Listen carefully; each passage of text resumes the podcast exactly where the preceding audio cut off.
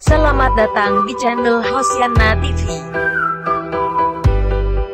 Sebelum Anda menonton, jangan lupa subscribe, like, komen, dan jangan lupa aktifkan lonceng pemberitahuannya supaya mengetahui video terbaru dari kami.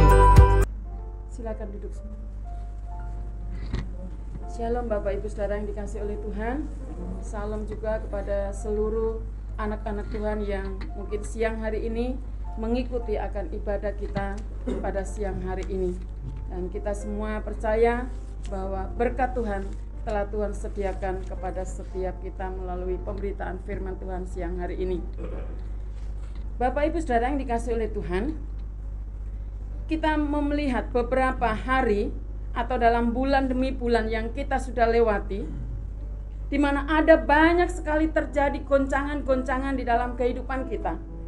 Secara khusus dengan adanya COVID-19, kita banyak sekali dilanda, dirundung dengan setiap masalah problema yang terjadi di dalam kehidupan kita. Namun dalam hal ini kita sebagai anak-anak Tuhan, bagaimana sikap kita, respon kita terhadap goncangan tersebut. Kita sebagai orang percaya, kita sebagai milik Kristus, kita sebagai anak-anak Tuhan, mari kita bersama-sama menanggapi dengan cara yang benar. Dan Tuhan memang izinkan itu terjadi di dalam kehidupan kita. Setiap goncangan, setiap masalah, mungkin sakit penyakit terjadi di dalam kehidupan kita, itu atas izin Tuhan kepada setiap kita anak-anaknya. Namun sekarang menjadi menjadi umat yang menanggapi, mempunyai respon yang benar di dalam menanggapi akan setiap goncangan itu. Dan bagaimana supaya kita saat-saat menghadapi goncangan tersebut, kita tetap bisa hidup berkenan kepada Tuhan. Tentunya kita harus melewati akan yang namanya ujian iman. Oleh karena itu, tema firman Tuhan pada saat siang hari ini yaitu bahaya kekhawatiran. Sadar atau tidak sadar dan jujur ataupun tidak jujur, kita sering kali dilanda dengan yang namanya kekhawatiran. Wajar jika seseorang itu menghadapi kesulitan, saat menghadapi goncangan, pasti kita akan punya rasa takut. Nah, kalau sudah takut timbul, maka khawatir itu muncul. Tetapi janganlah kekhawatiran itu akan menguasai kehidupan kita. Kekhawatiran itu adalah sesuatu ketakutan yang melanda kehidupan kita. Atau kekhawatiran itu adalah merupakan suatu ketakutan pada sesuatu yang belum terjadi. Jadi maksudnya begini, kita ini senantiasa memikirkan hal-hal yang di depan, yang kita belum tahu apa yang akan terjadi. Tetapi di saat itu kita mulai memikir mengotak-ngatik sehingga timbul akan yang namanya kekhawatiran nanti kalau aku begini, nanti kalau aku ke sana, nanti kalau aku. Jadi yang panjang-panjang di sana kita sudah pikirkan. Sehingga muncullah yang namanya kekuat kekhawatiran. Tetapi mengapa Tuhan Yesus berkata kepada setiap anak-anaknya, "Jangan kamu khawatir." Dan itu berulang kali, berulang kali dikatakan oleh Tuhan. Jangan kamu khawatir, jangan kamu khawatir, jangan kamu khawatir. Bapak Ibu Saudara yang dikasih oleh Tuhan, kalau Tuhan Yesus sering kali berkata-kata jangan kamu khawatir, ini artinya bahwa itu ada sebuah peringatan yang besar kepada setiap kita anak-anaknya. Ada sebuah warning di dalam kehidupan kita sebagai anak-anaknya Dan kalau yang namanya peringatan, ini pasti mendatangkan akan bahaya jika kita melanggar. Contoh, kalau kita naik pesawat, kita nggak boleh nyalakan ponsel kita. Waktu kita jalan-jalan ke laut, kalau di sana sudah ada tulisan, jangan berenang di tempat ini karena itu dalam. Atau kalau kita pergi tempat pom bensin lagi isi bensin, di situ ada tulisan jangan merokok. Ada kata jangan, jangan, jangan, tapi sering kali kita sebagai manusia mengabaikan kata jangan tersebut. Sehingga akhirnya kita mendengar ada anak yang tenggelam. Karena apa? Sudah ada tulisan besar-besar Bahkan kadang sudah dikasih tunjuk panah di sini nih tempatnya. Jangan berenang di tempat ini tapi kita nekat. Ah nggak apa-apa karena aku jago berenang. Bahkan mungkin kalau sudah pernah mendapatkan juara satu dalam berenang nggak masalah. Tapi akhirnya sudah berenang nggak balik lagi. Di sini kita lihat ada bahaya yang terjadi di dalam kehidupan kita jika kita melanggar akan perintah tersebut. Nah, demikian juga dengan perkataan Tuhan Yesus. Kalau Yesus sudah berkata, sudah bilang jangan, itu berarti ada sesuatu bahaya yang akan kita hadapi di dalam kehidupan kita sebagai anak-anak Tuhan.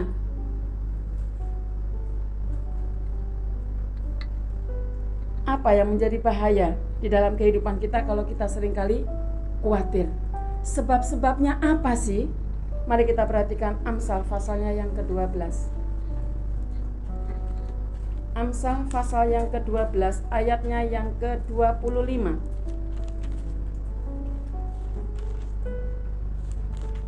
Amsal 12 ayatnya yang ke-25. Saya akan bacakan demikian bunyi firman Tuhan.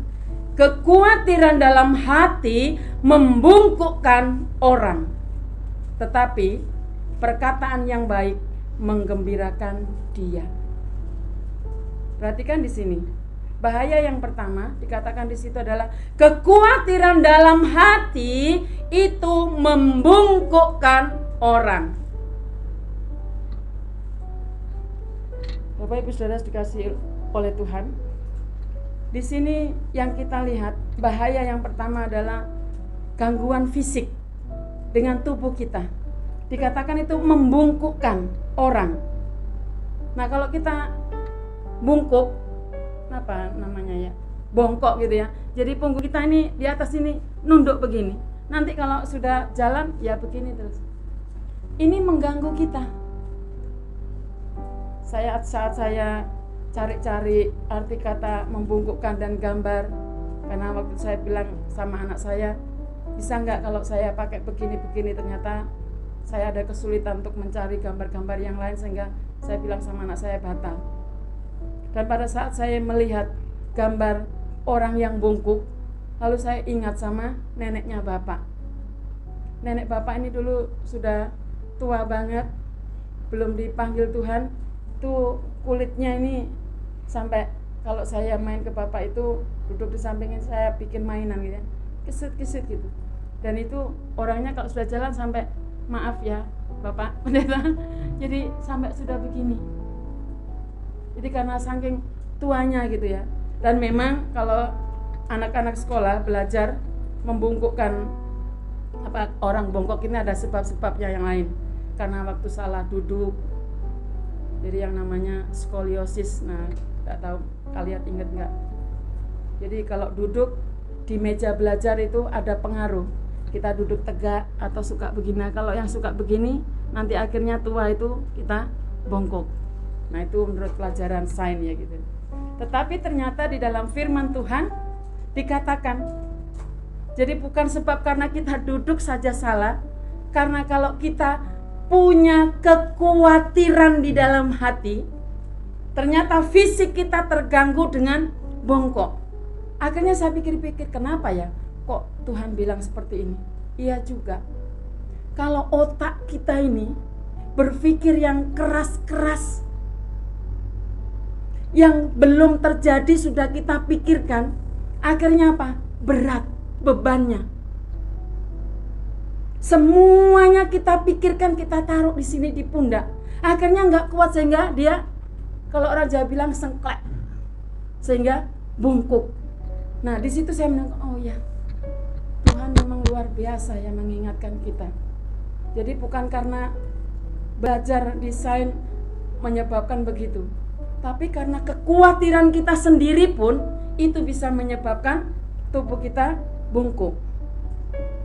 Dan kita lihat di sini, kekhawatiran itu bukan hanya berdampak pada jiwa saja. Tetapi kita lihat secara fisik seperti yang dikatakan di dalam firman Tuhan, Tuhan tadi Amsal 12 ayat 25 jelas. Dan bisa jadi kekhawatiran itu sering kali mengganggu di dalam kehidupan kita. Makanya sering-sering kita bilang apa? Sakit kepala. Nggak tahu apa sebabnya ya kok kepalaku nyenyengan tiba-tiba. Pusing banget. Lalu kadang-kadang kita bilang apa? Aduh perutku mules banget terus kita cari-cari. Aku kayak tadi nggak makan apa-apa ya. Tapi ternyata perut kok mules banget Ternyata apa kalau kita cari-cari? Oh, ketemu. Karena aku punya rasa khawatir, rasa takut dengan ini, ini, ini, sehingga menyebabkan kepalaku sakit, perutku mulas. Nah, ada banyak hal yang terjadi dalam kehidupan kita. Ada banyak akibat-akibat. Sebab-sebab kalau kita khawatir dengan adanya fisik fisik kita. Yang kedua, mari kita perhatikan di dalam Amsal 25 ayatnya yang ke-26. Bahaya yang kedua atau sebab yang kedua Amsal 25 ayatnya yang ke-26. Amsal 25 ayatnya yang ke-26.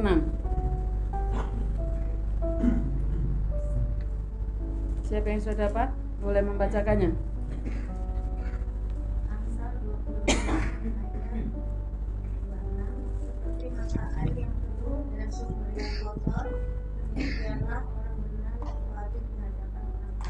Ya, dikatakan di situ seperti mata air yang keruh dan sumber yang kotor. Bapak Ibu Saudara dikasih oleh Tuhan.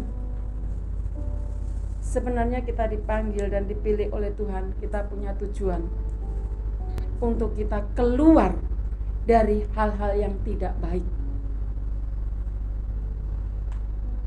Kita tidak mau mengulang dengan kesalahan-kesalahan yang sudah kita lakukan, dosa-dosa yang diperbuat, sehingga kita dimurnikan, kita dikuduskan oleh Yesus. Tetapi karena kekhawatiran kita sendiri, karena ketakutan yang ada di dalam hati kita, apa yang sudah dimurnikan oleh Tuhan, apa yang sudah dibersihkan oleh Tuhan itu menjadi keruh. Sehingga firman Tuhan yang sering kali kita dengar itu gak masuk di dalam kehidupan kita. Dan akhirnya firman Tuhan bilang apa tadi? Seperti mata air yang kotor. Seperti mata air yang keruh.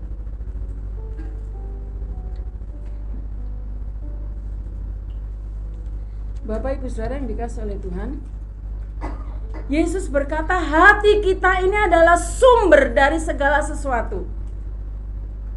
Kalau di dalam hati kita ini bersih, maka yang keluar dari hati kita itu juga bersih.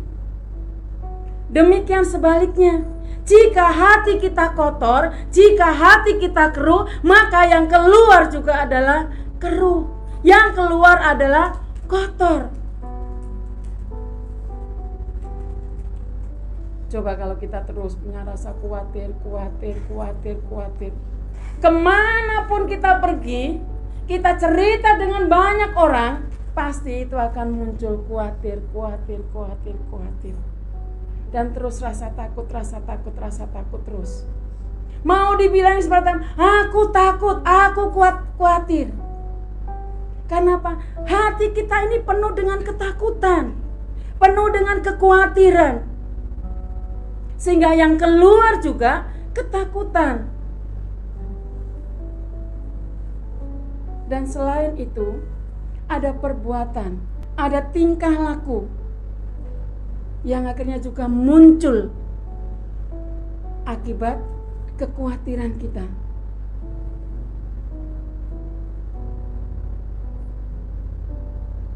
Semua itu boleh terjadi karena pengaruh dari kekhawatiran yang terjadi di dalam kehidupan kita.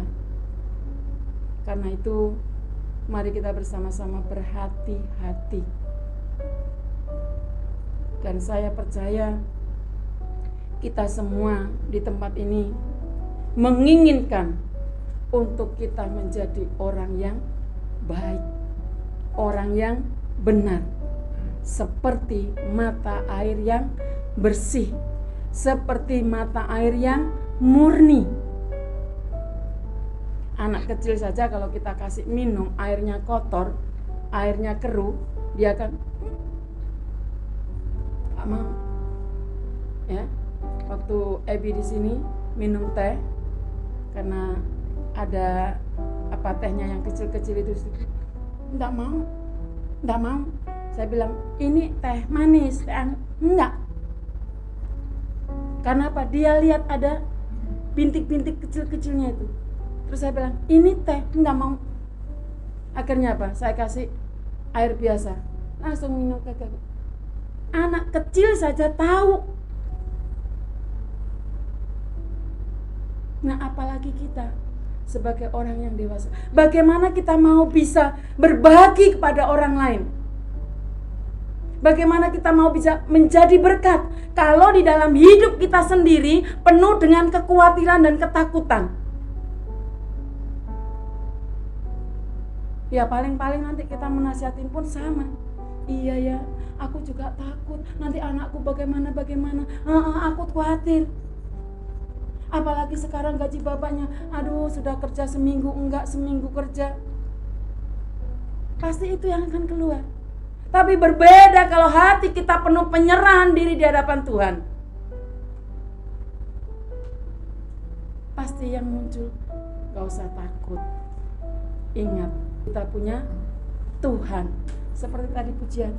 Kenapa kita harus takut? Kenapa kita harus punya khawatir kalau kita bisa berkata, Aku punya Tuhan yang hebat, ku angkat tanganku. Di sini kita bisa ku angkat tanganku, kita berkata, Tuhan hebat, Tuhan hebat keluar dari tempat itu kita dihadapkan. Nah, sampai rumah lihat dompet ya cuma dua ribuan. Masih bisakah kita berkata Tuhanku hebat dan hilang dengan kata-kata jangan takut jangan khawatir. Mari Bapak Ibu saudara yang dikasih oleh Tuhan Kita taruh di dalam kehidupan kita. Keyakinan yang besar iman yang besar, iman yang kuat kepada Tuhan.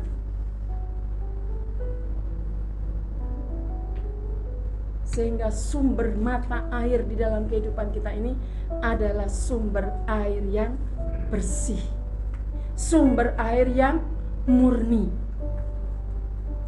Ah itu mah bisa dikerjakan nanti sama Bu Pendeta, Pak Pendeta kalau Pak Pendeta, Bu Pendeta yang ngomong pantas lah, wajar lah, dia pendeta. Kalau bilang jangan takut, jangan khawatir, iyalah orang semuanya ada. Apalagi Bu Pendeta guru nggak pernah berhenti kerja, terus masuk, gajian terus. Lah saya Pak, gimana? Anak saya butuh duit, anak saya butuh makan. Emang anak Pak Pendeta nggak butuh duit, nggak butuh makan? Sama Bapak Ibu. Tetapi sekarang tergantung dengan kadar hati kita ini. Kadar iman kita kepada Tuhan.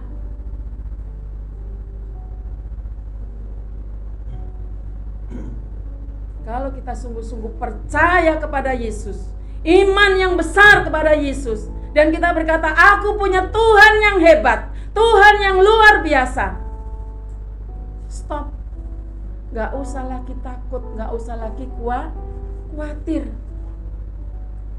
Jujur Bapak Ibu sudah dikasih oleh Tuhan, waktu Bapak menghantar bapaknya Leonel, saya nggak berpikir yang aneh-aneh. Tetapi setelah Bapak mau berangkat panggil saya Mas ini, doakan saya. Saya ketawa. Hehe, ternyata punya rasa takut juga suamiku. Tapi akhirnya saya bilang, yuk berdoa. Kita berserah diri di hadapan Tuhan. Dan di sini saya langsung berkata, Tuhan tahu kalau suamiku ini nggak main-main.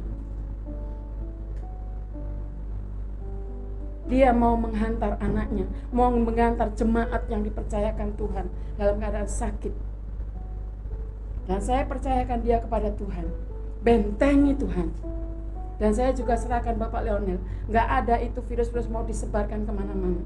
Setelah dia berangkat, saya memikirkan nanti gimana istrinya, gimana anaknya. Wajar, takut, tapi saya Kenapa Tuhan saya tadi sudah serahkan anak istrinya kepada Tuhan? Kok jadi takut? Saya langsung Enggak Tuhan, dalam nama Yesus dah Selesai. Beres, saya masak, saya biasa. Dia pulang, mas ini. Kenapa? Semprot-semprot aku, saya semprot-semprot. Udah langsung mandi ke belakang. Udah kami biasa lagi. Enggak ada pikiran yang aneh-aneh nanti Suamiku gimana Apalagi dia ada sakit sesaknya, enggak ada Ya, puji Tuhan Bapak Ibu bisa lihat keluarga Mama Leonel, istri anak-anak nggak kita dengar mereka tertular. Bapak juga tetap sehat sampai sekarang. Apa modalnya tadi? Percaya. Coba kalau saya takut, saya khawatir. Pasti saya ikutin kemarin. Jaga jarak, jangan deket-deket. Bahkan sebelum berangkat aja saya bilang, nanti bapaknya suruh duduk di belakang ya. Tapi saya kembali, bagaimana perasaannya daripada Bapak Leonel yang biasa terus buka pintu duduk di depan kalau nggak ada saya. Lalu Bapak bilang, pindah belakang karena kamu sakit. Bapak Ibu gimana perasaannya? Saya saja yang waktu sakit seperti itu, anak saya nggak mau deket aja saya nangis. Makanya saya tempatkan diri saya, oh iya ya, aku diperlakukan gitu saja saya udah nangis. Maka di situ benar-benar butuh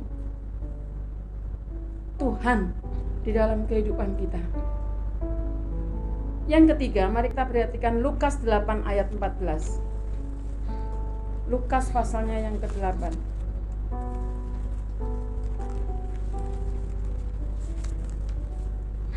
Lukas 8 ayatnya yang ke-14.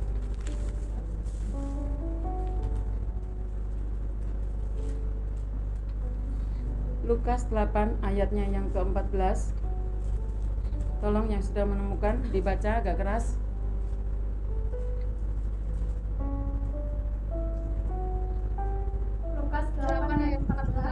yang jatuh dalam semak duri ialah orang yang telah mendengar firman itu. Dan dalam pertumbuhan selanjutnya, mereka terhimpit oleh kekhawatiran dan kekayaan dan kenikmatan sehingga mereka tidak menghasilkan buah yang matang. Ya, terima kasih. Yang ketiga, di situ digambarkan adalah saat benih itu ditabur, ternyata jatuh dalam semak duri. Dan kemarin saya cari-cari apa sih tumbuhan semak duri ternyata itu batangnya kecil lalu ada banyak duri-durinya begitu saya bilang oh ini mungkin kayak apa namanya tanaman putri malu itu ya kalau itu kan ada banyak duri-durinya juga jadi saya lihat-lihat waduh serem juga ya. Bapak Ibu selain dikasih oleh Tuhan di sini adalah merupakan satu gambaran firman Tuhan. Seperti benih firman Tuhan itu. Jadi pada saat firman Tuhan ditabur, ternyata ada yang jatuh di semak duri. Jadi ketika orang itu telah mendengar firman Tuhan, selanjutnya firman itu yang ada di dalam hati kita ini akan bertumbuh. Tetapi di saat pertumbuhannya ini mengalami hambatan. Dikatakan tadi firman Tuhan terhimpit jadi dicepit kecepit. Kecepit apa? Semak duri. Nah karena karena kecepit semak duri, maka dia nggak bisa naik, nggak bisa tumbuh. Mungkin tumbuh juga jadi kurus.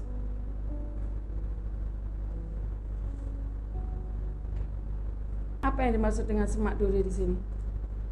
Kekhawatiran kita itu. Kenapa kita tidak pernah melihat akan buah yang ada dalam kehidupan kita? Kenapa juga kita tidak pernah merasakan atau melihat mujizat-mujizat Allah terjadi di dalam kehidupan kita? Kita hanya bisa mendengar kesaksian teman kita. Kita hanya bisa merasakan buah-buah yang dihasilkan oleh saudara-saudara kita yang lain. Tetapi kok aku enggak bisa mengeluarkan buah? Kok buahku enggak ada ya? Kok aku juga enggak pernah alami mujizat-mujizat Tuhan yang luar biasa itu terjadi di dalam kehidupan kita? Kenapa itu bisa terjadi? Karena apa? Karena kebanyakan kekhawatiran di dalam hidup kita.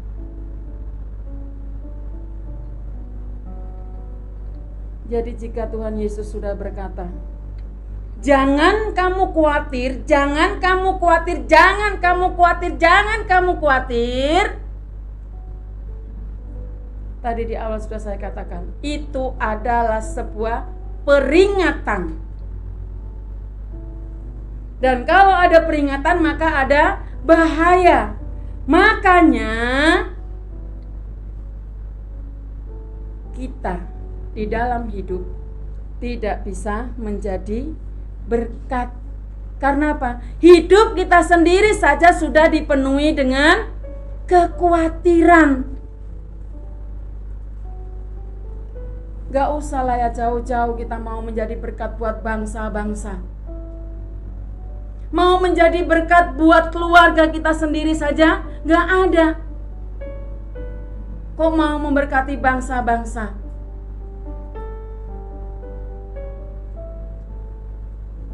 Bapak Ibu Saudara yang dikasih oleh Tuhan, di sini genap ada istri, ada suami, ada anak-anak.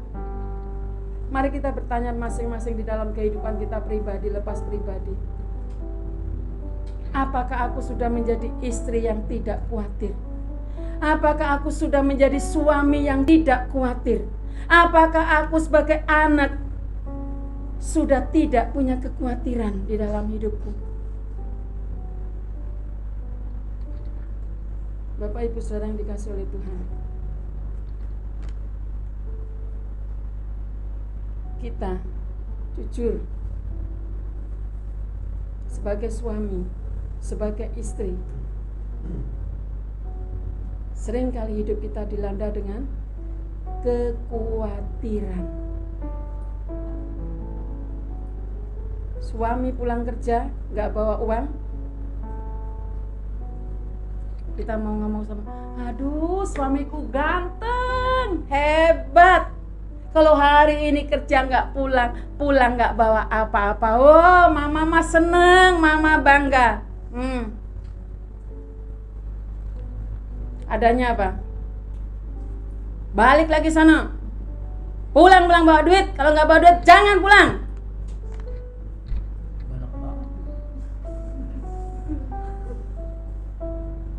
Benar? Mungkin kita nggak ngomong dalam hati, emak akan cari sendiri. Yang penting udah aku siapin, cari sendiri. Pulang nggak duit.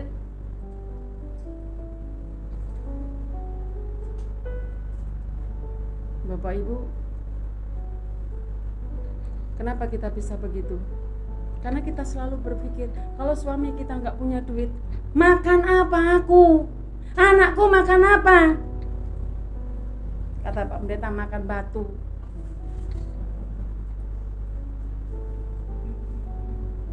Pernah Bapak Ibu nggak kerja makan batu? Enggak kan? Tetap makan nasi.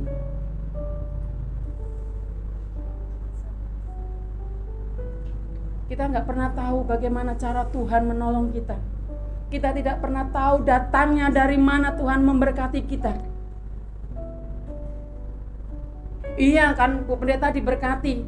Bapak Ibu kalau saya dapat pinjaman dari teman, saya bilang itu berkat. Kenapa saya bilang berkat? Ternyata orang itu percaya dengan saya. Lah kalau Bapak Ibu pinjam ke orang itu nggak dikasih, berarti orang itu nggak percaya. Makanya saya bilang ada orang yang mau minjamin saya, itu saya bilang berkat. Karena melalui dialah saya bisa belanja. Kalau dia nggak percaya, nggak bakal dikasih. Kalaupun dia punya uang, dia akan ngomong nggak punya, nggak punya uang. Makanya saya bilang, kita nggak akan pernah tahu dari mana datangnya dan bagaimana caranya Tuhan memenuhi kebutuhan kebutuhan kita.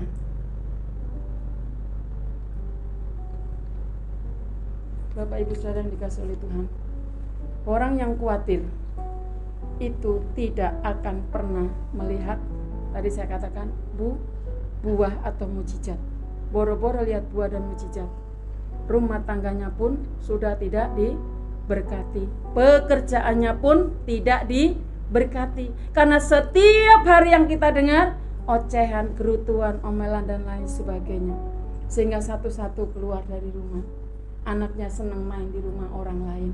Anaknya betah tinggal di rumah orang lain. Karena apa? Ini terus gini terus, terus, terus.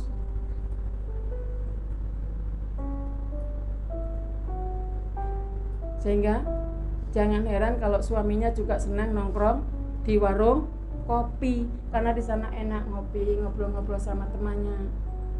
Nanti diajak pulang, ayo pulang lek. Ah enggak, pulanglah sendiri kau. Nanti sampai rumah sama juga aku bertatap muka dengan istriku yang.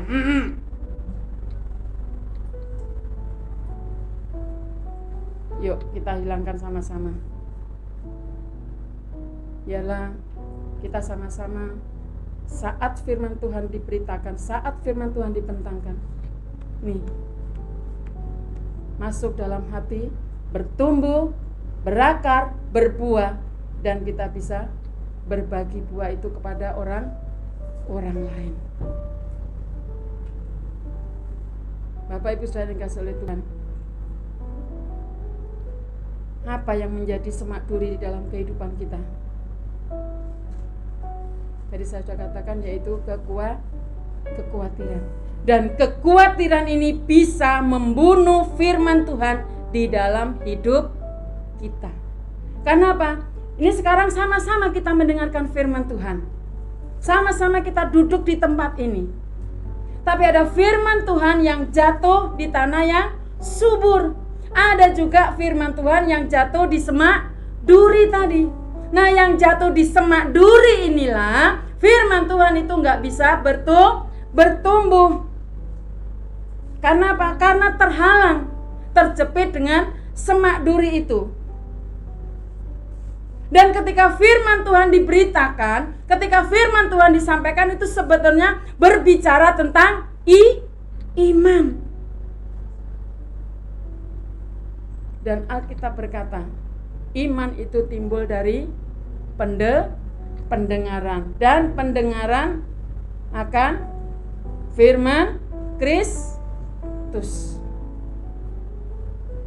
Nah, untuk kita bisa percaya kepada firman Tuhan itu butuh latihan. Latihan dan latihan dan latihan. Jadi kalau kita mengalami sebuah latihan, sebuah proses, jangan menggerutu, jangan ngomel, jangan takut, jangan kuat, khawatir. Dan kalau kita mendengar firman Tuhan, tetapi rasa khawatir kita itu besar di dalam kehidupan kita,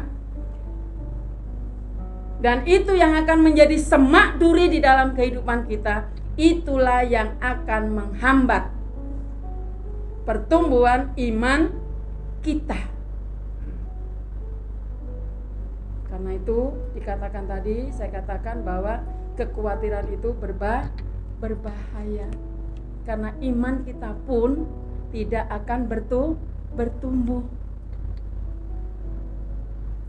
Walaupun kita sering kali mendengar firman Tuhan. Banyak sekali firman Tuhan yang kita sudah dapatkan. Mungkin pagi-pagi kita sudah pasang handset ke mana-mana, nyapu segala macam. Kita dengarkan firman Tuhan pendeta A, pendeta B, sampai pendeta besar di sana kita dengarkan. Tetapi kalau dalam diri kita ini penuh dengan kekhawatiran, banyak semak duri di dalam kehidupan kita, itu firman Tuhan tidak akan bertumbuh alias sia-sia, percuma capek-capek kita sudah pasang handset, belum lagi isi kuota, tapi tidak ada buah, tidak ada hasil. Karena apa? Energi positif yang ada dalam firman Tuhan itu diserap oleh semak duri. Diserap oleh kekhawatiran kita. Nah, kalau sudah seperti seperti ini bagaimana kita dapat melihat iman kita kuat?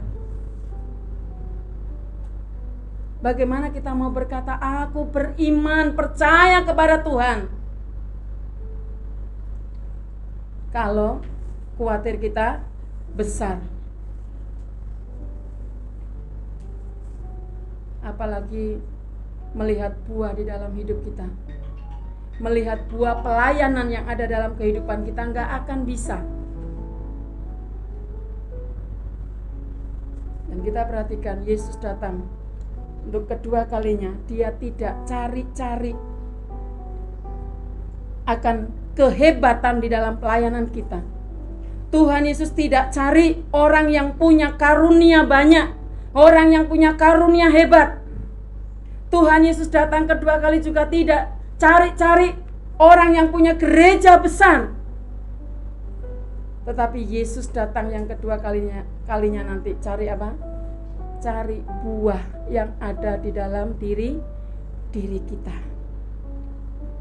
Oleh karena itu ayat ini berkata, orang yang khawatir itu seumpama dia menabur benih seperti jatuh di semak duri mungkin benih itu mau tumbuh karena terjepit dengan semak duri sehingga tidak jadi tumbuh apalagi berbuah. Tumbuh aja tidak kok berbu berbuah. Coba bapak ibu yang punya tanaman di rumah. Kalau tanamannya itu ada banyak rumput-rumput biarkan saja nggak usah dicabut Bapak Ibu akan tahu tanaman kita seperti apa jadinya. Dia nggak bisa berkembang. Karena apa? Makanan yang ada di dalam tanah itu sudah banyak diambil oleh rumput-rumput di sekelilingnya. Sehingga berkurang makanannya tersebut. Nah, sama dengan kekhawatiran di dalam tubuh kita ini. Jadi kekhawatiran yang ada dalam tubuh kita ini gambaran seperti semak duri tadi. Firman Tuhan yang masuk itu di, diserap oleh semak duri tadi. Sehingga suatu saat bukan hanya untuk berbuah tetapi kita bisa mati iman kita. Nah, kalau sudah kita mati iman, ini berbahaya orang lain datang cari Tuhan ya nyantai saja salah lah. Pain minggu-minggu di rumah. Dari Senin sampai Sabtu kerja Minggu harus ke gereja lagi. Biarin aja itu. Toh nanti di sana juga cuma duduk nyanyi-nyanyi ore-ore. Ngapain? Nggak ada apa-apa. Kalau sudah terus begini terus begini sedikit sedikit hilang hilang hilang Lama-lama Lama-lama apa? Kabur. Nah, biasanya kalau anak muda-mudi ya sudahlah. Mau apa lagi? Hilanglah. Sudah nggak kenal lagi dengan yang namanya Ye Yesus. Karena apa tadi? Firman yang masuk ini nggak tinggal di dalam hati.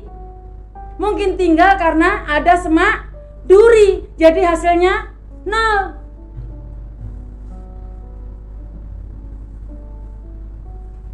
Sehingga dia nggak mau bertumbuh, nggak mau berkembang, nggak mau menghasilkan buah. Nah, Bapak Ibu sekarang dikasih oleh Tuhan, hari-hari ini iman kita sedang diuji. Tetapi kita sebagai orang percaya, kalau kita terus dan terus dan terus dan terus dan terus dan terus percaya kepada Tuhan, maka kita akan melihat sebuah perbedaan yang nyata di dalam kehidupan kita. Makanya mari kita bersama-sama untuk terus hidup bergaul karib dekat dengan Tuhan Bapak Ibu sudah dikasih oleh Tuhan saya sebetulnya sedih karena saya di sini punya orang tua yang memberikan contoh yang baik. Saya kalau lihat putih, saya nangis.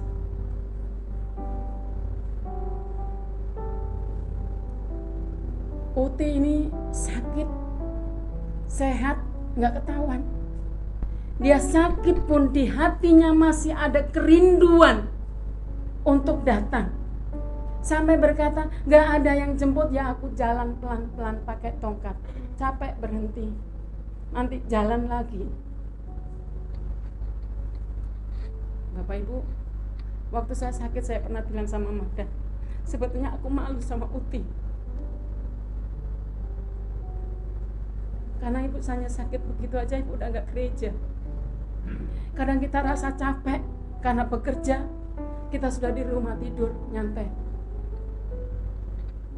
Ya, saya nggak tahu jawaban Magda. Apa menghibur saya supaya saya senang? Ya ibu memang sakit. Mau dibilang apa? Tapi saya berkata Tuhan ampuni.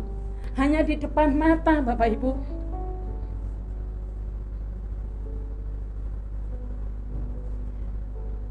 Dan kemarin hari Rabu Putih bersaksi dengan penyakitnya yang begini-begini sampai sudah difonis kronis. Tapi saya mendengar jawaban Uti, saya bilang, Tuhan, Engkau luar biasa. Kasih ketenangan hati di dalam kehidupan Uti.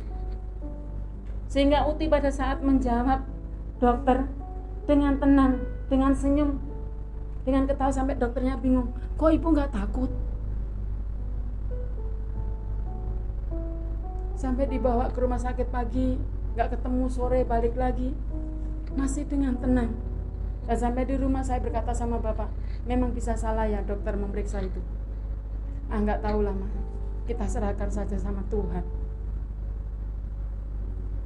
itu kadang-kadang yang terjadi dalam kehidupan kita di sisi lain orang tua sudah punya iman yang besar. Tapi sementara ada orang seperti saya yang takut khawatir.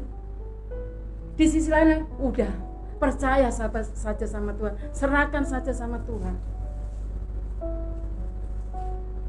Bapak Ibu saya yang dikasih oleh Tuhan ini yang sering kali ada di dalam kehidupan kita. Dan mari di hari-hari yang seperti ini kita mau buktikan di hadapan Tuhan dan kita mau bersama-sama tampil beda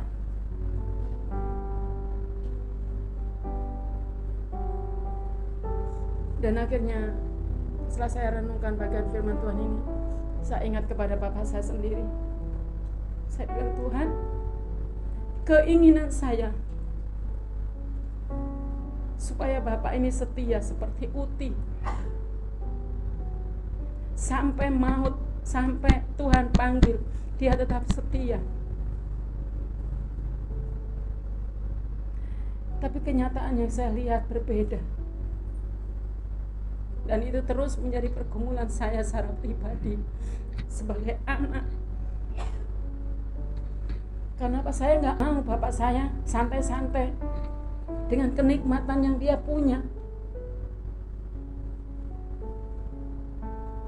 Apalagi ada embel-embelnya gitu ya pendeta. Dan jujur bapak ibu saya tidak pernah cerita sama suami saya. Yang sebenarnya kalau saya punya pergumulan seberat ini. Pergumulan saya bukan masalah uang bukan masalah. Saya pingin bapak saya. Saya pingin seperti mama. Sampai dipanggil Tuhan dia tetap melayani Tuhan dan memang ini udah lama saya nggak pernah nggak pernah WA nggak pernah telepon. Biasanya saya suruh bapak. Dan kemarin saya tanya nomor temannya ada nggak? Nggak ada. Ya sudah saya diam. Saya berkata Tuhan Tuhan tahu apa yang menjadi kerinduan saya. Saya anak satu-satunya, nggak ada lagi anaknya. Kalau bukan saya yang menjerit kepada Tuhan, kalau bukan saya yang berteriak kepada Tuhan,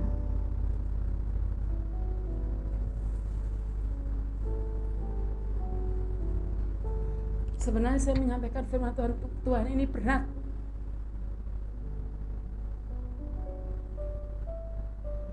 Tetapi ternyata itu yang Tuhan mau di dalam kehidupan kita.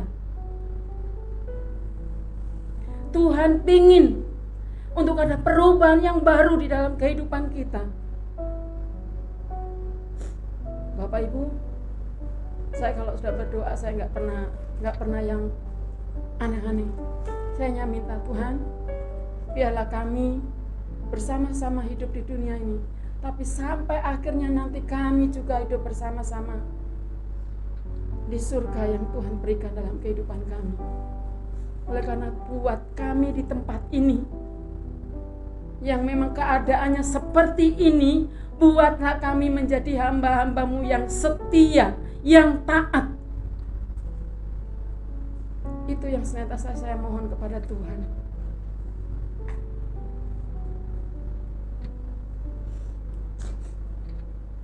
Bapak Ibu sudah dikasih oleh Tuhan. Kalau kita sudah mengalami seperti itu, mari kita bersama-sama berkata kepada Tuhan. Ujilah aku Tuhan di dalam menghadapi hari-hari yang sulit ini untuk melihat pemeliharaan pemeliharaan Tuhan. Jadi jangan berkata yang aneh-aneh. Tapi katakan kepada Tuhan, uji aku Tuhan. Untuk aku bisa melihat perkara-perkara yang besar yang Tuhan jadikan di dalam kehidupan kita.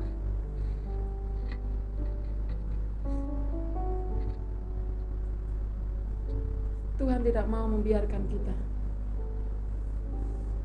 untuk menyelesaikan akan setiap persoalan yang terjadi di dalam kehidupan kita sendiri.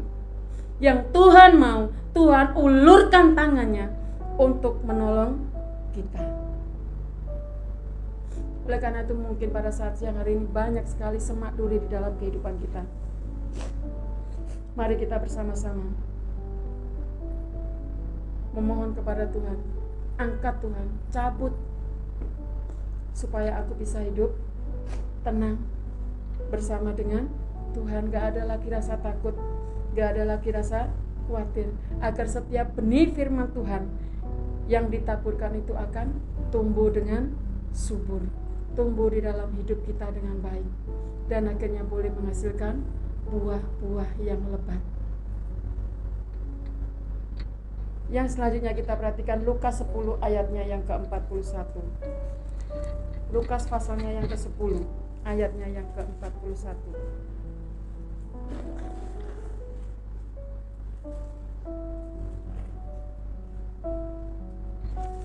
Lukas 10 ayat 41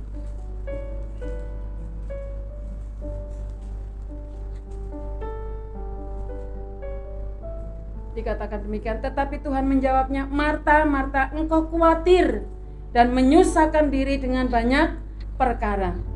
Ini adalah kisah tentang Maria dan Marta pada saat di hadapan Tuhan Yesus. Dan kemarin para pelayan dibekali firman Tuhan ini juga. Dan saya duduk di pojok sana. Saya banyak bertanya kepada Tuhan. Tuhan, apakah selama ini saya menjadi Maria atau Marta? Dan banyak hal yang saya kotak-katik, kotak-katik, kotak-katik. Memang ada kalimat Bapak kalau tidak ada saya, siapa yang mau mengerjakan? Dan kalimat itu terus saya bilang, Tuhan, hindarkan itu dari kehidupan saya. Saya melakukan semuanya itu untuk Tuhan, bagi Tuhan. Nah, kemuliaan daripada Tuhan.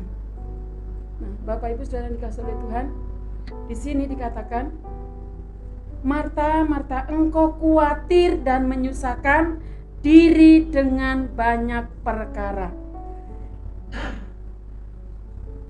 Jadi orang yang khawatir itu adalah orang yang menyusahkan diri. Hidup itu nggak usah disusahkan. Dan memang hidup ini sudah susah. Jadi jangan lagi disusahkan. Apalagi dengan ditambah disusahkan dengan kekhawatiran. Gak ada hidup yang gampang. Hidup itu ru, rumit. Jadi jangan tak ditambah lagi dengan keru, kerumitan.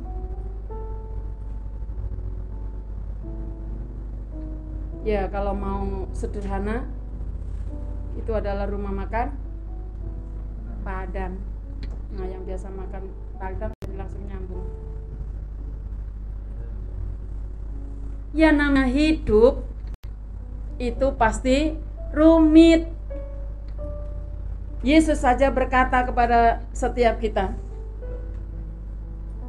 bahwa kita harus menghadapi yang namanya kesulitan, kesusah, kesusahan. Tuhan tidak akan pernah berjanji jalan kita mu mulus. Ada kerikil-kerikil yang harus kita lewati, ada duri-duri yang harus kita hadapi. Jadi jangan pernah kita berkata hidupku aku maunya eh enak, maunya ma mapan. Nah, kalau kita sudah tahu bahwa hidup itu memang susah, jangan ditambah-tambah lagi. Sudah cukup di situ saja. Makanya Tuhan bilang, "Marta-Marta, engkau khawatir dan menyusahkan dirimu sendiri." Kita dibikin ribet. Nah, akhirnya nanti saya bilang sama Pak Pendeta, bulan Desember jangan suruh Bu Pendeta masak. Pesannya di warung Padang supaya Bu Pendeta nggak ribet, nggak masak. Setuju? Ya, maka kita usul nanti. Sampai muka kita kayak muka dapur. Memang enak, tapi selalu saya juga yang usul ke Pak Pendeta. Sayanglah kalau uangnya dikasihkan ke warung Padang. Lebih baik aku yang masak ngirit, saya bilang seperti itu. Yang di sana bilang capek bu. Tapi yuk mari sama-sama kita belajar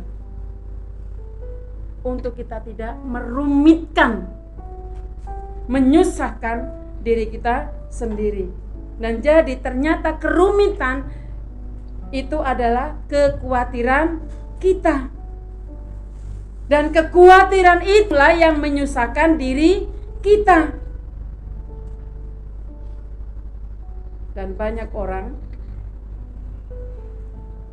yang takut, yang khawatir itu bukan karena keadaannya dia.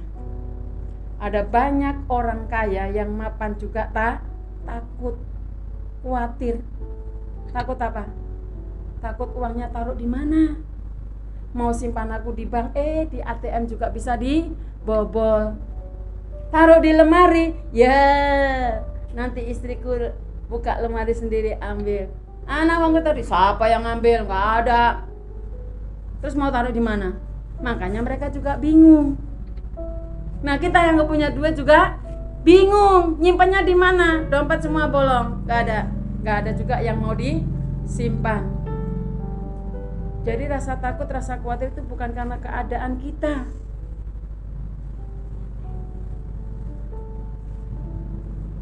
Sebenarnya kita sendiri yang membuat rasa khawatir itu. Beberapa hari yang lalu ada orang yang datang kepada saya bilang, "Bu, kenapa ya kok aku sakit perut terus lambungku kayaknya naik ya bu. Saya bilang coba duduk. Terus mau ngapain? Biar ku turunkan lambungmu itu. Nanti baru diisi bakso lagi. Ah ibu aku beneran ini bertanya. Jangan bercanda. Terus lagi sini ku nyut nyutan terus nggak tahu. Saya bilang sudah minum obat? Sudah. Ke dokter lah kalau sudah minum obat masih belum sembuh. Udah bu aku udah bolak balik ke dokter bahkan dikasih obat ini ini ini sudah aku minum semuanya aku sudah nurut tapi masih aja sakit perutku ini lambungku masih naik, palaku masih nyut-nyutan.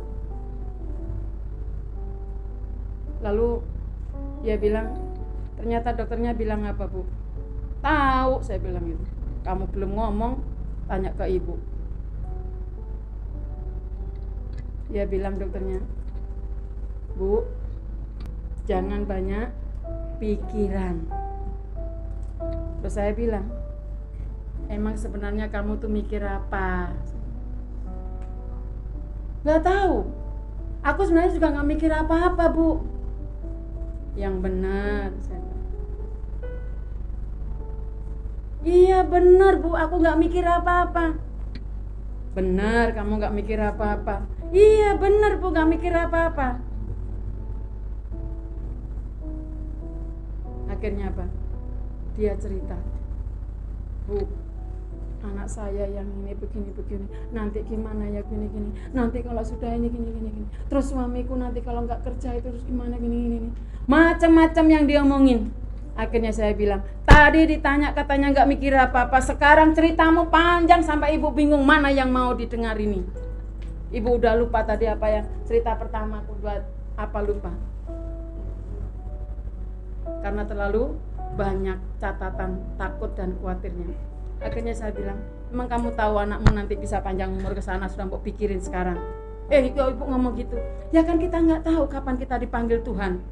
Udah yang ada ini kita jalani saja dulu dengan bersyukur. Kamu kurang apa? Dia bilang apa suami kamu? Ya udah sekarang masih kerja kan? Masih tapi sekarang kerja besok enggak. Ya udah syukurin yang sekarang bekerja. Yang tidak ya bersyukur. Langsung ada teman saya nyeletok salah kamu curhat ke ibu Lina. Kenapa? Ya begitu dia akhirnya ngomongnya. Kamu dibawa masuk dalam firman firman Tuhan. Saya bilang ya udah kalau salah pindah sana. Akhirnya dia datang lagi. Iya bu ya tolong bantu doa. Akhirnya saya bilang ya udah ayo kita berdoa. Nanti setelah didoakan ibu terus kamu nggak sakit lagi asam lambungmu itu sembuh pusingmu sembuh semen 10 sak ya saya bilang gitu Ya ibu kok gitu sih orang cuma doain aja semen 10 sak. Emang ibu lagi bangun, lagi bangun. Ya, ini kesempatan untuk nodong gitu ya. Bapak Ibu Saudara yang oleh Tuhan, itu sebenarnya yang sering kali ada dalam kehidupan kita. Yang enggak-enggak kita pikirin. Jadi susah. Itu tadi yang dibilangkan kamu menyusahkan dirimu sendiri nggak usah ribet dan nggak usah dibikin ribet nah waktu selesai dia ngobrol dengan saya dan saya ajak berdoa terus dia pamit pulang saya duduk sendiri terus saya bilang sama teman saya enak ya kalau jadi jemaat jadi orang tua di sini tahu saya selain guru ada jadi hamba Tuhan dia bisa datang curhat ke saya Terus kalau saya yang susah, saya curhat ke siapa ya? Saya bilang sama teman saya. Ya curhatlah sama suamimu sendiri. Ya sama aja orang dia juga bingung suruh curhat sama suami. Bingung. Akhirnya saya bilang, itulah hamba hamba Tuhan. Gak bisa curhat ke mana-mana. Curhatnya hanya kepada Tuhan. Sebenarnya kita semua juga seperti itu. Kita bisa datang kepada Tuhan. Dan ingat di dalam kehidupan kita kita itu punya Tuhan yang maha tahu apa yang terjadi di dalam kehidupan kita. Oleh karena itu kembali tidak perlu menyusahkan diri sendiri kita taruh kepercayaan kita kepada Tuhan. Seperti yang dikatakan di dalam ayat 41 tadi nggak usah menyusahkan diri dengan banyak perkara. Karena kalau kita menyusahkan diri dengan banyak perkara kita bisa stres. Begitu mari kita bersama-sama belajar hidup bersama-sama dengan Tuhan yang selanjutnya Matius 6 ayat 27 Matius 6 ayatnya yang ke-27 agak lumayan panjang ya. Matius 6 ayatnya yang ke-27 dikatakan demikian bunyi firman Tuhan. Kemudian maaf Matius 6 ayatnya yang ke-27 Siapakah di antara kamu yang karena kekhawatirannya dapat menambahkan sehasta saja pada jalan hidupnya? Jelas firman Tuhan, karena kekhawatirannya tidak dapat menambahkan sehasta saja pada jalan hidupnya. Siapa di antara kita yang karena kekhawatiran kita dapat melihat mujizat? Tidak ada. Justru dengan kekhawatiran itu menjadikan penghambat di dalam kehidupan kita untuk melihat mujizat. Oleh karena itu jangan takutkan apa pun sebelum terja terjadi. Percayakan semuanya kepada Tuhan. Karena ketika kita khawatir, berarti di situ sebenarnya kita tidak percaya kepada Tuhan. Makanya sering saya katakan juga kalau sudah selesai berdoa amin titik. Nggak usah pakai koma. Supaya tidak timbul rasa kuat khawatir. Kalau sudah bilang Tuhan aku percaya masa depan anakku ada di tanganmu Tuhan akan berkati anakku. Stop. Titik. Nggak usah dikotak-katik nanti anakku mau jadi apa ya. Anakku bisa nggak nanti menjalani hidupnya di hari kesono kita nggak tahu apa yang akan terjadi dan bakal terjadi kita sudah pikirkan anak kita yang macam-macam. Percayakan semuanya saja kepada Tuhan. Jadi dengan kita punya rasa khawatir itu sebenarnya kita tidak percaya kepada Tuhan. Karena itu Tuhan berkata seperti ayat tadi. Orang yang percaya tidak dapat menambahkan sehasta saja.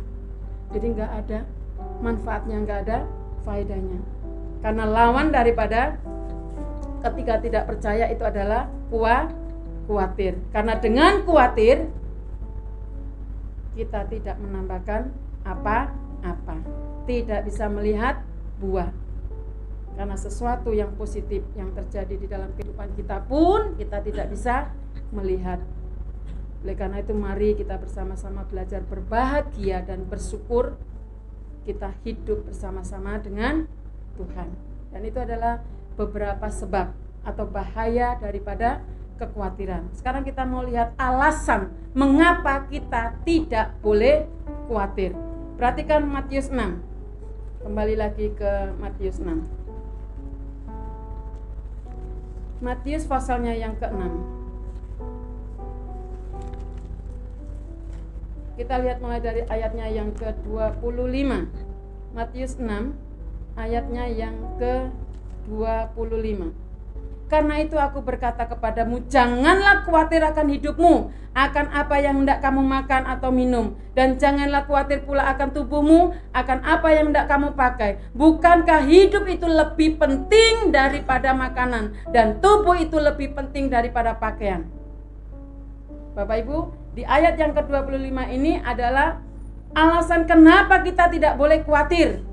Karena di dalam ayat 25 dikatakan jangan khawatir akan makanan, jangan khawatir akan minuman dan lain sebagainya. Ini yang sering kali ada dan terjadi dalam kehidupan kita sehari-hari. Kita sering kali takut nggak makan. Dan kita akhirnya bisa berkata, makan apa nanti aku? Kita hari ini bisa berpakaian seperti ini bersu bersyukur. Jadi nggak perlu takut, nggak perlu khawatir. Karena apa? Kalau kita khawatir seperti ayat tadi,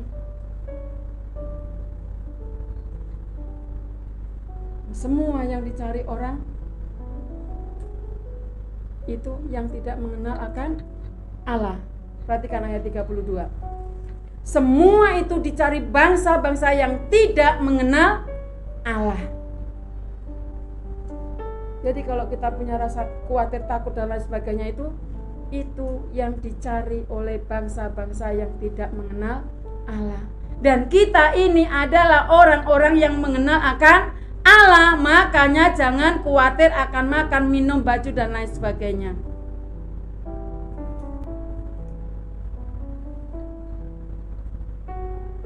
Dan Bapak Ibu, Saudara yang dikasih oleh Tuhan, yang sering kali kita lupa di saat-saat yang seperti itu, kesulitan-kesulitan ada, problem ada, kita lupa bahwa Allah turut bekerja dalam segala sesuatu.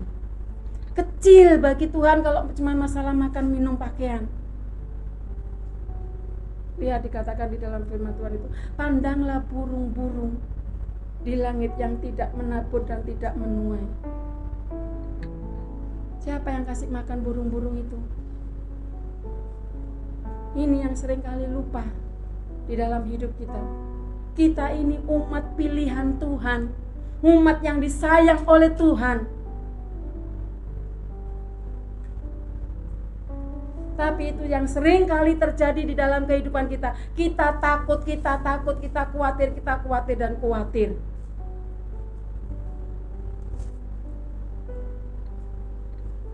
Bapak Ibu Saudara yang dikasih oleh Tuhan. Saya sudah banyak melewati hal-hal yang buruk. Tidak punya uang juga sudah. Tidur dengan alas kardus sudah. Diusir dari rumah juga sudah. Jadi dalam masa pandemi ini saya berkata kepada Tuhan, ini adalah hal yang biasa. Karena hal yang buruk sudah saya lewati dan saya tahu pemeliharaan Tuhan tetap ada buat saya. Mungkin Bapak Ibu, ah masa iya? Saksi mata. Waktu kami di kampus STT Nusantara Malang, nggak ada kasur kami.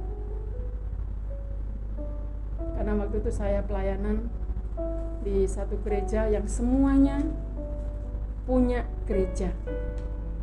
Gak ada satupun saya punya sendok kecil saja saya nggak punya. Semua perabotan itu semuanya punya gereja. Jadi waktu saya lepas dari situ, ya keluar orang doang. Apa yang mau dibawa? Mau bawa piring? Bukan punyanya ya jangan dibawa, bukan punyanya. Keluar orang saja. Kami kontrak awalnya karena kampus untuk keluarga itu belum selesai. Setelah kampus keluarga selesai, kami pindah ke kampus itu. Gak punya apa-apa. Jadi kardus kami susun. Terus kita kasih spray. Kalau spray saya punya, bukan punya gereja ya. Saya kasih spray, tidur bersama dengan anak saya ini.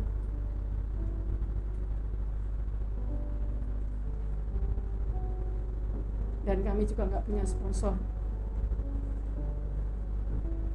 Dan pada akhirnya ada salah satu jemaat yang pernah saya layani. Setiap bulan itu memberikan beras 10 kilo.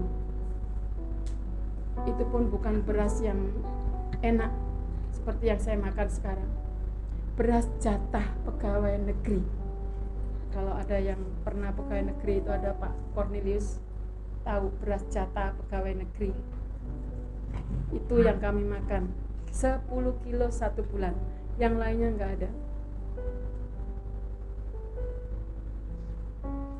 Dan kalau sekarang saya lihat di pasar danau kadang ada yang ngambilin sayur-sayur yang dibuang-buang sama orang.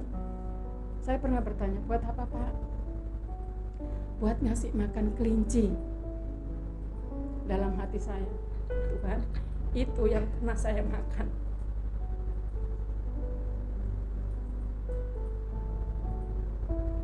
Jadi kalau dulu bapak kuliah sore karena kalau di seminari memang sampai sore kuliahnya.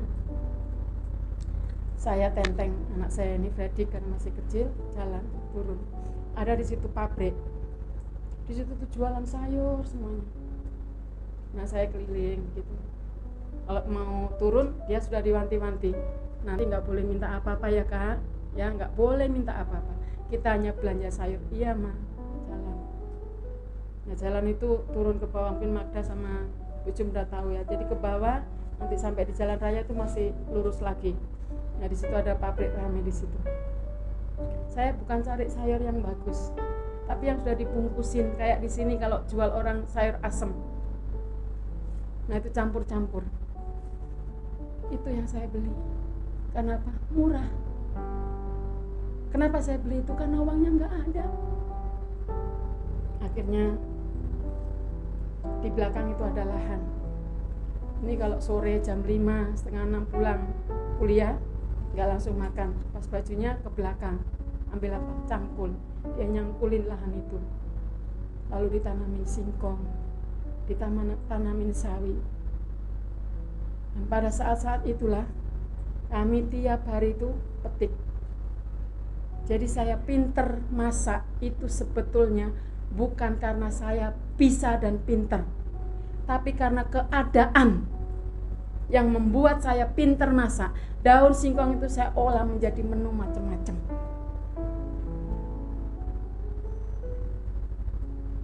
Dan itu daun singkong itu juga bisa menjadi berkat buat keluarga-keluarga dosen yang tinggal di kampus. Jadi kalau saya keluar, Bu ada daun singkongnya? Ada Bu, nanti saya petikan. Terus sawinya gimana? Ada Bu, nanti saya ambilkan. dan itu Bapak Ibu kami alami terus berjalan terus berjalan terus sampai akhirnya saya hamil Iva jadi di dalam tubuhnya itu kalau daun singkong udah dia kalau sekarang sudah nggak doyan daun singkong wajar. Karena dari dalam perut sudah terus tiap hari dicecelin daun singkong. Beda dengan kakaknya. Kalau kakaknya hamil masih saya pelayanan. Masih mewah masih enak ini anak. Tapi dalam kehidupan perjalanannya baru dia menderita.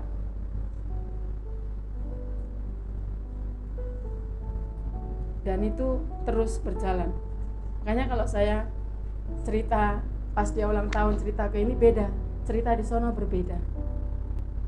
Kalau dari sono saya pegang pasti saya nggak bisa ngomong apa-apa sama Tuhan. Hanya air mata yang saya berikan kepada Tuhan. Karena mulai dari bulan pertama sampai lahir tidak kenal yang namanya puskesmas. Kenalnya apa? Daun singkong tanaman bapaknya. Makanya dulu mau dikasih nama Suprihatin. Saya bilang enggak saya nggak mau. Kalau anakku ini dikasih nama Suprihatin nanti dia sepanjang hidupnya mau prihatin. Nggak mau saya. Itu nggak apa-apa nggak mau nggak mau. Nanti apa biar kita nggak cerita sama anak kita bahwa anak kita sudah tahu ternyata dia dari kecil itu sudah prihatin makanya kasih Suprihatin nggak mau nggak mau. Akhirnya dikasihlah nama bapaknya Ivana Ayu Ardi Dharma pribadi. Ternyata saya tanya sama bapaknya apa sih namanya Ivana itu? Pemberian Tuhan yang baik. Saya bilang oh Tuhan terima kasih. Ini pemberian Tuhan yang baik yang luar biasa. Gak kenal apa-apa tapi dikasih Tuhan berkat melimpah dan puji Tuhan. Sehat sampai sekarang. Saya nggak kenal dokter. Jadi kalau bapak ibu tanya anakku mencret ke dokter obat nggak tahu. Saya tahunya cuman kunyit asam jadi kunyit saya parut, kasih madu, jejelkan ke anak saya. Bunga apa itu namanya? Bunganya belimbing sayur, saya kukus kasih gula batu, masukkan ke anak saya. Dua-dua saya begitukan aja. Dan kalau sudah batuk pilek dulu, kenalnya apa? Ada insana. Nah itu dan puji Tuhan sampai hari ini luar biasa penyertaan Tuhan dan pertolongan Tuhan dalam kehidupan saya. Makanya kalau cerita tentang yang buruk-buruk, nggak usah cari ke mana-mana, tanya saja sama Bu Pendeta dan Pak Pendeta. Sudah saya alami. Namun di sisi lain saya bersyukur walaupun dalam keadaan seperti itu, kami masih dijadikan berkat oleh Tuhan di tengah-tengah lingkungan kampus STT Nusantara. Jadi dalam masa pandemi menghadapi seperti ini, saya selalu berkata kepada Tuhan, ini dia biasa. Makanya Pak Pendeta selalu mengajak kepada kita, masalah itu biar biasa. Karena kami sudah mengalami hal-hal yang seperti itu. Bapak Ibu pasti belum pernah tidur di atas kardus.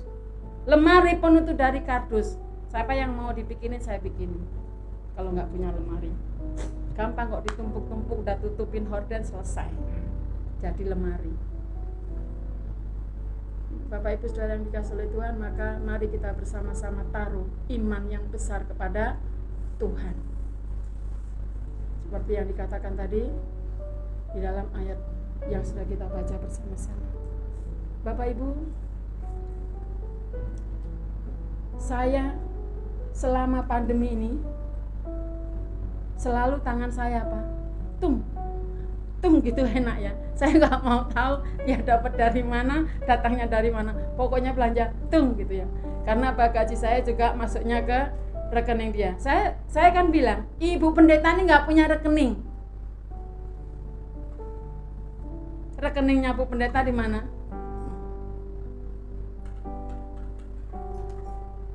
Di surga.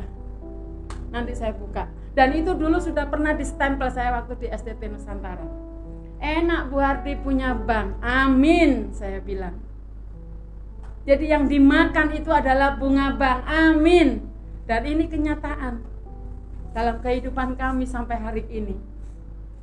Ternyata uang kami ada di di bank. Yang kami makan adalah bunga bank. Gak tahu bank yang mana. Bu pendeta gak tahu. Tapi selalu ada sumber, sumber, sumber dan sumber. Oh terima kasih Tuhan. Perhatikan di situ yang B ayatnya yang ke-32 tadi. Dikatakan yang selanjutnya akan tetapi Bapamu yang di surga tahu bahwa kamu memerlukan semuanya itu. Ingat, situ dikatakan Bapamu di surga tahu apa yang kita perlukan. Allah itu tahu. Tapi yang sok tahu itu ki kita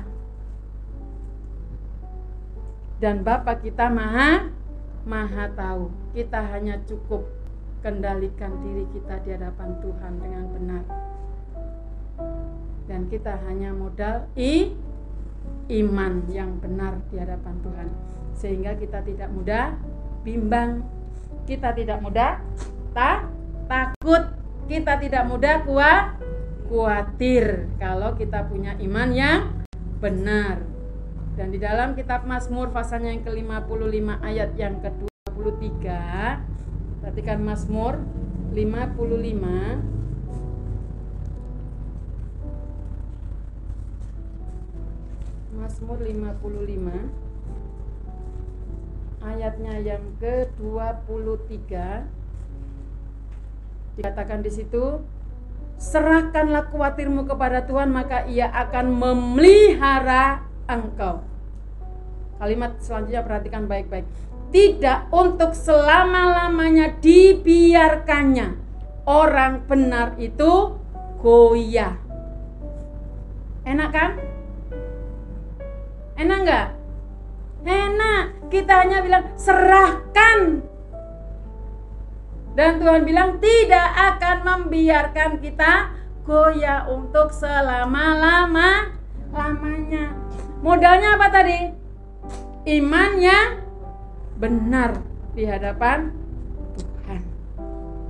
Jadi saat kita khawatir, datanglah ke kaki itu Tuhan. Jangan cari sono sono sono sono. Belum tentu jawabannya membangun kita, belum tentu jawabannya membangkitkan kita. Bisa jadi kita dibawa juga untuk kuat khawatir yang lebih besar. Lebih baik kita datang ke kaki Tuhan sujud di hadapan Tuhan. Serahkan semua kekhawatiranmu kepada Tuhan. Jujur, di dunia ini tidak ada orang yang dapat menolong kita. Hanya Tuhan yang dapat menolong kita. Kenapa saya berkata demikian? Bapak Ibu, saya punya banyak teman mapan. Mereka pelayanan di tempat-tempat yang mapan. Selama kami di kampus STT Nusantara itu nggak ada satu orang teman pun datang menolong saya. Yang menolong siapa? Tuhan. Sehingga sampai akhirnya suami saya ini selesai kuliahnya di sana. Dan langsung dikirimkan ke tempat ini. Duitnya dari mana untuk bayar uang kuliahnya? Saya jawabnya dari Tuhan. Tuhan yang menyediakan. Saya nggak pernah cari-cari. Bapak juga nggak pernah cari sponsor, dosennya juga nggak pernah cari sponsor. Tapi ketika saya bersama dengan anak saya datang beribadah, di situ kami dipanggil dan hanya ditanya, uang sekolah suamimu sudah dibayar belum? Saya nggak bisa jawab. Karena waktu itu dia sudah mendapat tagihan uang kuliah. Saya diam, akhirnya orang ini bilang ya sudah sekarang pulang. Nanti kami ke rumah. Dan waktu ke rumah bertemu langsung dengan bapak bicara panjang lebar dah sekarang kuliah saja. Uangmu kami yang mau melunasi. Itu bapak ibu enak kan? Enak nggak? Hanya serahkan. Gak usah yang macem-macem. Dan butuh iman yang sah, iman yang kuat, iman yang tangguh di hadapan Tuhan, iman yang benar di hadapan. Jadi kalau kita mau cari-cari sana, belum tentu suami kita ini bisa menolong juga, walaupun dekat. Satu rumah belum tentu. Yang pasti yang bisa menolong itu hanya Tuhan. Jadi orang dikatakan beriman itu yang seperti apa sih? Orang yang sudah melewati ujian-ujian. Ujian apa? Bukan ujian anak-anak sekolah yang sebentar lagi UTS. Tapi ujian iman. Jadi kalau kita ada saat-saat diizinkan oleh Tuhan untuk mengalami ujian itu, kita jangan pernah berkata, cabut Tuhan singkirkan ujian. Nikmati ayo jalani ujian yang dari Tuhan itu sehingga kita akan bisa berkata seperti Raja Daud.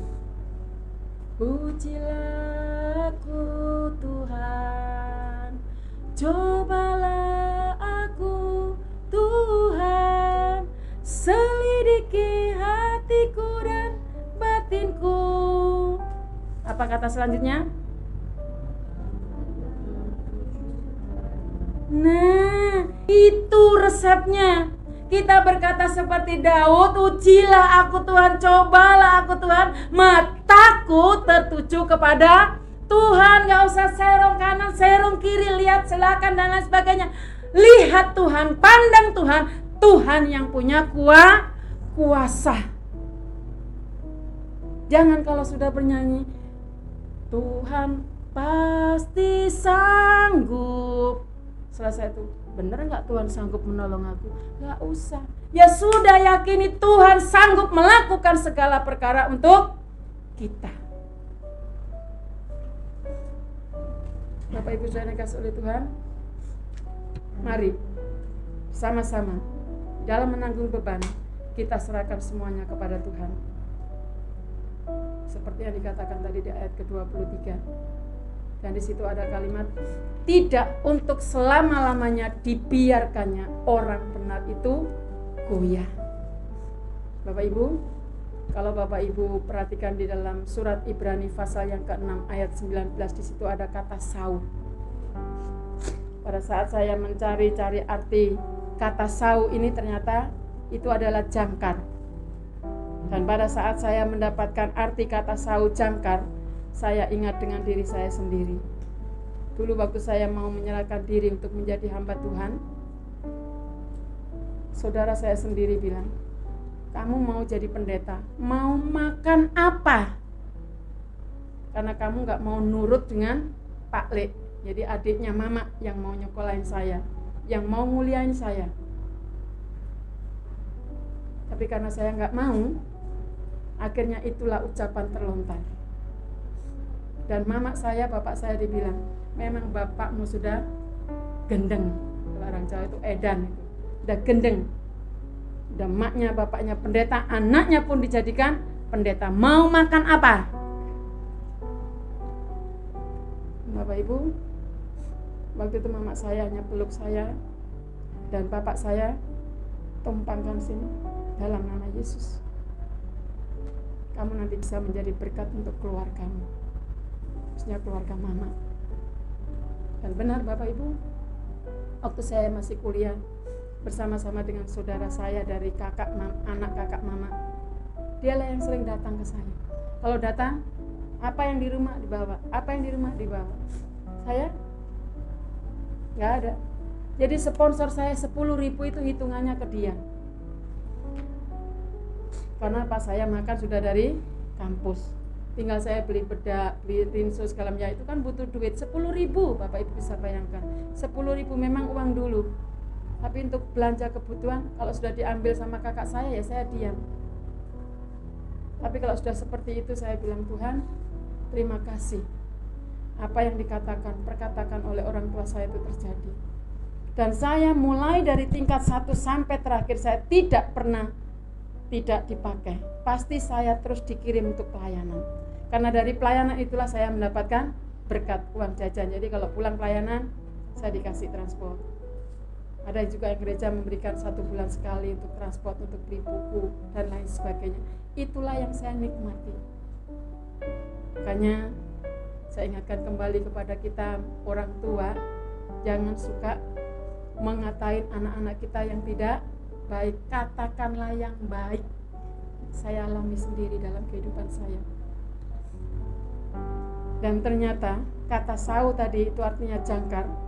Perhatikan Bapak Ibu kapal kalau mau berlabuh itu kan langsung dilemparkan tali dan ada jangkarnya. Dan jangkarnya itu ditancapkan lalu diikat. Tujuannya apa? Supaya kapal ini nggak bisa ke mana-mana. Udah diem di situ. Ternyata Bapak Ibu, kalau di dalam kehidupan kita, kita ini berada di dalam genggaman Tuhan, ya sudah, diam. Dan berkata, aku tahu. Tuhan tahu. Saya percaya kepada Tuhan. Titik. Kalau kita sudah bilang percaya, ya sudah. Apa yang mau Tuhan buat sama kita, terima dengan ucapan syukur. Sekarang bagaimana dengan kehidupan kita sebagai anak-anak? Masih kita mau berlanjut untuk terus hidup dengan kekhawatiran kita? Kita sudah tahu sebab-sebabnya bahayanya. Dan kita sudah tahu alasan apa Tuhan berkata untuk kita tidak boleh khawatir. Karena apa? Resepnya tadi hanya dengan kita serahkan semuanya kepada Tuhan. Mari kita bersama-sama tunduk kepala, kita berdoa.